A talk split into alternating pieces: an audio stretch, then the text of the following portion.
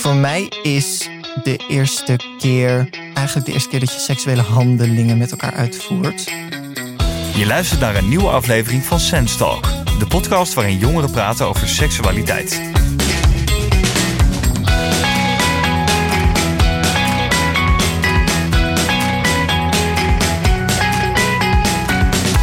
En in deze allereerste aflevering van Sense Talk gaan we het ook hebben over de eerste keer. En de eerste keer is voor iedereen anders. Hoe was jouw eerste keer? Kun je je erop voorbereiden? En wat doe je eigenlijk als het anders loopt dan je gedacht had? Mijn naam is Max Schuiling en over die vragen ga ik vandaag in gesprek met drie jongeren. Bij mij in de studio is aangeschoven Sjoerd van 20 en je doet de acteursopleiding. En op afstand via Zoom, helemaal coronaproof, hebben we Gwenda van 19. Zij doet de opleiding pedagogisch medewerker. En last but not least Stef van 17 en hij doet de hotelschool.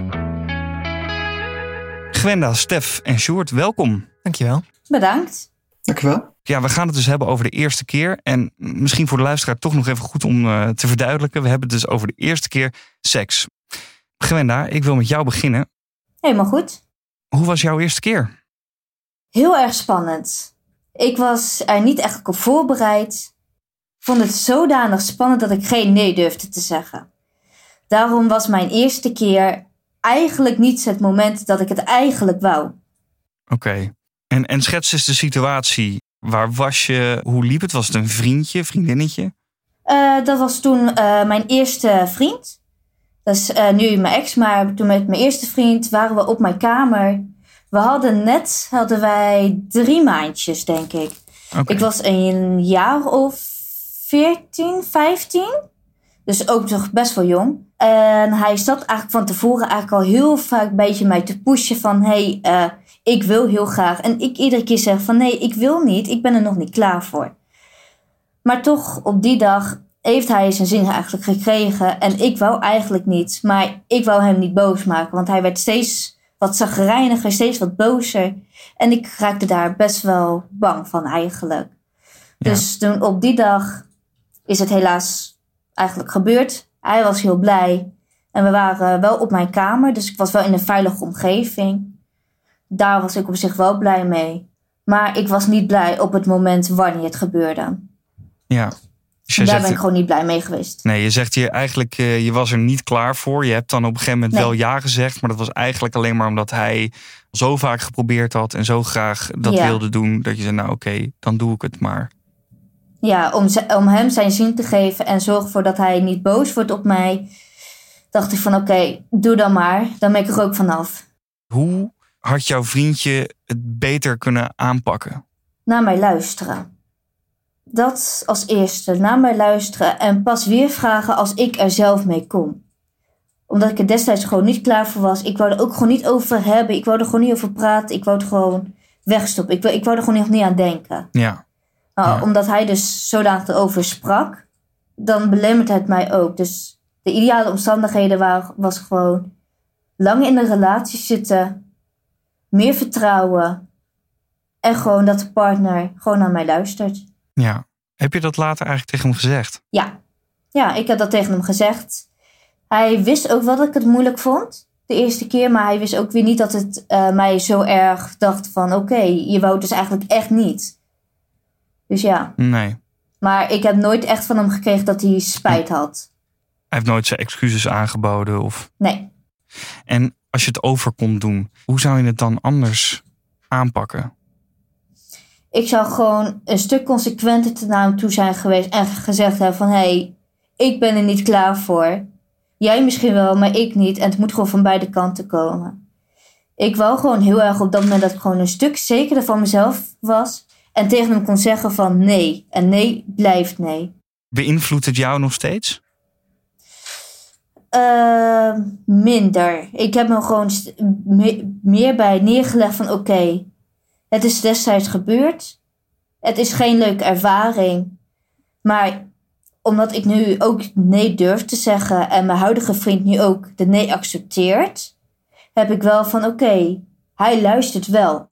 Ik kan me voorstellen dat dit iets is wat ook wel meerdere jongeren overkomt. Ja, ik heb ook wel eens uh, bij, uh, vooral bij de meiden had ik het, heb ik het gehad dat hun ook een nare eerste keer hebben gehad. En toen dacht ik van oké, okay, ik ben dan ook niet de enigste. Dus als je gewoon met elkaar erover praat, dan dacht ik van, oh, ik ben niet als enige nare ervaring. Die heeft het ook. Maar die heeft het ook. Ja. Waardoor eigenlijk gewoon steeds meer naar voren kwam van, oh, het is niet één of twee die een nare ervaring hebben. Het zijn zoveel meiden die een nare ervaring hadden, dat ik dacht van, oh, jeetje, wat erg eigenlijk. Sjoerd, ik wil van jou wel weten hoe jouw eerste keer was. Ik zie zelf mijn eerste keer als eigenlijk twee verschillende momenten. Omdat ik een eerste keer met een jongen heb gehad en een eerste keer met een meisje. En daarvan heb ik de eerste eerste keer gehad met een jongen. En dat was op mijn 18e verjaardag. De avond daarvan.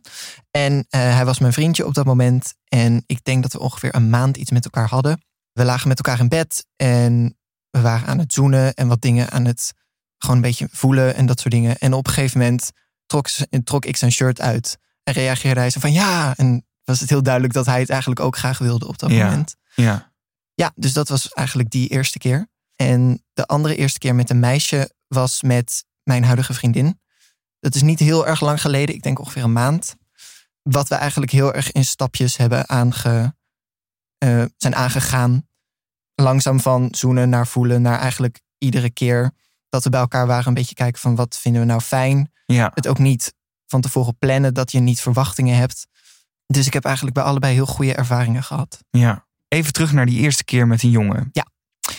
Wat versta jij onder de eerste keer? Voor mij is de eerste keer eigenlijk de eerste keer dat je seksuele handelingen met elkaar uitvoert. Omdat ik het een beetje vreemd vind om seks te typeren als penetratie. Ik vind penetratie ook een heel naar woord. Ehm, en dus. Klinkt heel medisch, vind je Ja, niet? Precies. Gewoon, ja, alsof er heel veel raar gedoe bij, eh, bij gepaard gaat. Maar dat, ja, terwijl het eigenlijk, ja, seksuele handelingen zijn het is, het is natuurlijk een beetje vaag. Het is heel Ja, breed. Het is ook medisch. Het is Het- ook dat is medisch. ook medisch. Ja. Dus ehm, voor mij was toen eh, eigenlijk pijpen en aftrekken. Ja. En, daar, en toen heb ik op een gegeven moment ook aangegeven van oké, ik vind dit fijn en ik hoef niet per se verder te gaan. ja, En toen hebben we het ook daarbij gelaten op dat moment. ja, precies. Was het wat je verwacht had? Ja, mijn verwachtingen liepen een beetje uiteen. Het waren vooral eigenlijk vragen die ik had. Niet per se dat ik dacht van, oh, dan gaan we kaarsjes aansteken. Of dan gaat, gaat het echt een soort perfect moment zijn. Of alles gaat heel makkelijk. Ik kreeg amper zijn shirt uit. Het was heel veel gedoe en zo. En dat, dus ik had daarbij niet een soort ideaal beeld. Ik heb wel het- geluk gehad dat mijn ouders eigenlijk van heel jonge leeftijd me gewoon van alles over seks hebben verteld. En eh, dat het belangrijk is dat je met elkaar dat je de ander vertrouwt en dat je goed met elkaar kan communiceren op dat moment. Dus als je aangeeft dat je iets niet wil, dat, je, dat de ander niet verder gaat. Maar ook als diegene dat zegt, dat jij dan eh, kijkt wat fijn is. Dus hoopte ik gewoon dat hij zou luisteren naar wat ik graag wilde. En probeerde ik dat ook zoveel mogelijk naar hem te doen. Stef, waar was jij de eerste keer? Eh, de eerste keer was eh, bij mijn vriend thuis. Bij mijn eh, toenmalige vriend, het is nu mijn ex. Ehm, het was eigenlijk. eh, ik eh, bleef bij hem slapen toen. En toen is het eigenlijk s'avonds net voordat we gingen slapen gebeurd. Wat verwachtte je en zijn die verwachtingen een beetje uitgekomen? Nou, ik had eigenlijk niet echt verwachting, want ik was er half klaar voor. En eigenlijk ook weer niet. Omdat het zo gebeurde, dacht ik: oké, ik ben er half klaar voor, dat is beter dan niets. Dus ik liet het ook gewoon over me heen komen. En uiteindelijk is het best wel fijn uitgepakt. Stel nou, je had het over kunnen doen, hè? Zijn er dan uiteindelijk dingen die je, die je anders had gedaan? Ja, misschien wel wat meer informatie erover hebben, want ik wist eigenlijk niet wat ik deed. En Wat had je willen weten? Hoe het eh, gewoon makkelijk gaat, want het was niet fijn bij mij, want het deed echt heel veel pijn. Wat is er dan gebeurd die eerste keer? De eerste keer eh, had hij me gepenetreerd toen. En hij stootte ook in één keer door. Dus Mhm. dat was zeer pijnlijk. Daar heb ik nog wel echt een paar dagen last van gehad. Je had er van tevoren meer over willen weten. Hoe, zorg je ervoor dat je die dingen dan weet? Ik heb eh, na mijn eerste keer heb ik eigenlijk heel veel informatie opgezocht op, eh op Sens. En ook Emma's Piepshow van Spuiten en Slikken. Daar heb ik ook heel veel gekeken. Heel veel informatie van gehaald. En als ik dat nou net iets eerder had geweten, dat was heel fijn geweest. Ik heb nu is, is het echt gewoon, vind ik het weet ik genoeg en is het ook gewoon heel fijn om het te doen. Alleen als het nou net iets eerder was, was wel wat fijner geweest. Nou, Ja, hoe is het jou dan na die eerste keer vergaan? ja, rustiger. Ehm, ik, toen ben ik eigenlijk ook pas met mijn ex gaan praten van... ehm, ik vond het eigenlijk niet echt fijn. Dus als je de volgende keer even dit en even wat rustiger wil proberen. En toen is het ook gewoon goed gegaan. En is het ook gewoon fijn geweest. Ja, dus eigenlijk door communicatie eh, met je partner ben je uiteindelijk eh, eh, op een veel betere seksuele plek beland samen. Ja, Ja, voor de mensen die nu luisteren en misschien hun eerste keer binnenkort gaan beleven. stel nou, je, je staat op het punt om het te gaan doen, maar je denkt, nou, ik voel me hier eigenlijk toch niet prettig bij. Of je bent het aan het doen en je denkt, nee, ik wil stoppen, ik voel me hier niet prettig bij. Ja, wat doe je dan, eh Gwenda? Ik zou gewoon dan eerlijk tegen die jongens zeggen van... Stop, ik voel me niet veilig. Dat zou ik gewoon echt gewoon als tip geven. Je zegt eigenlijk gewoon stoppen, weglopen en dat heeft die ander Ja. maar gewoon te accepteren. Ja, die ander moet gewoon de nee kunnen accepteren. Dat hoort, vind ik. Ja. Stef, hoe, hoe kijk jij hier tegenaan? nou wat ik zou doen is handelingen die hij of zij doet, ehm, gewoon afbreken. Hij wil bijvoorbeeld, hij of zij wil zijn shirt uitdoen. Nou, dan hou je shirt vast, dat, dat hij, hem niet uit, hij of zij hem niet uit kan trekken. En gewoon ook een beetje afstand houden. Ja, en wat nou als je dat een beetje eng vindt om te doen? Ga gewoon in gesprek met je partner. Heb, heb gewoon een open gesprek met elkaar, zodat je gewoon. eh, Communicatie is key, wordt vaak gezegd. En dat is hier wel echt wat er is. Ja, Sjoerd, ik zie jou eh, echt eh, heftig ja, Ja. knikken. Ik denk dat het heel belangrijk is dat je het van tevoren ook hierover hebt. Niet per se dat je zegt, stel nou dat we seks gaan hebben, wat dan? Maar dat je wel van tevoren al eigenlijk een duidelijke communicatie met iemand kan hebben. Dat je eh, durft te zeggen wat je wil zeggen. En goed met de ander überhaupt kan communiceren. Want dan kun je ook tijdens seks makkelijker met elkaar communiceren. En eh, bouw je een vertrouwen op. Hey, en stel nou, hè, een luisteraar nu gaat, gaat een eerste keer beleven, heeft het helemaal opgehemeld in zijn of haar hoofd. Het wordt echt het mooiste wat er is. En het valt eh, ineens vies tegen. Om wat voor reden dan ook. Gwenda, hoe erg is dat eigenlijk? Als dat dus gebeurt, dan ga je heel erg... Tenminste, ik ging heel erg aan mezelf twijfelen. Of het dus aan mij lag. Dat ging ik dus heel erg doen van... Deed ik iets niet goed? Deed, was ik niet goed genoeg voor hem? Of kon hij het niet goed doen door mij? Ja, ja. En was dat terecht achteraf? Nee, achteraf niet. Achteraf, het was gewoon zijn schuld. Want als ik mij vertrouwd had gevoeld, was het ook een stuk fijner geweest. Dat weet ik wel zeker. eh. Ja. Sjoerd, hoe kan je je nou het allerbeste voorbereiden op je eerste keer? We weten allemaal nu, jij hebt twee keer je eerste keer gehad. Dus ik verwacht echt de meeste ervaring met eerste keren. Ehm, ja, het is een beetje lastig met verwachtingen. Ik had zelf natuurlijk ook verwachtingen.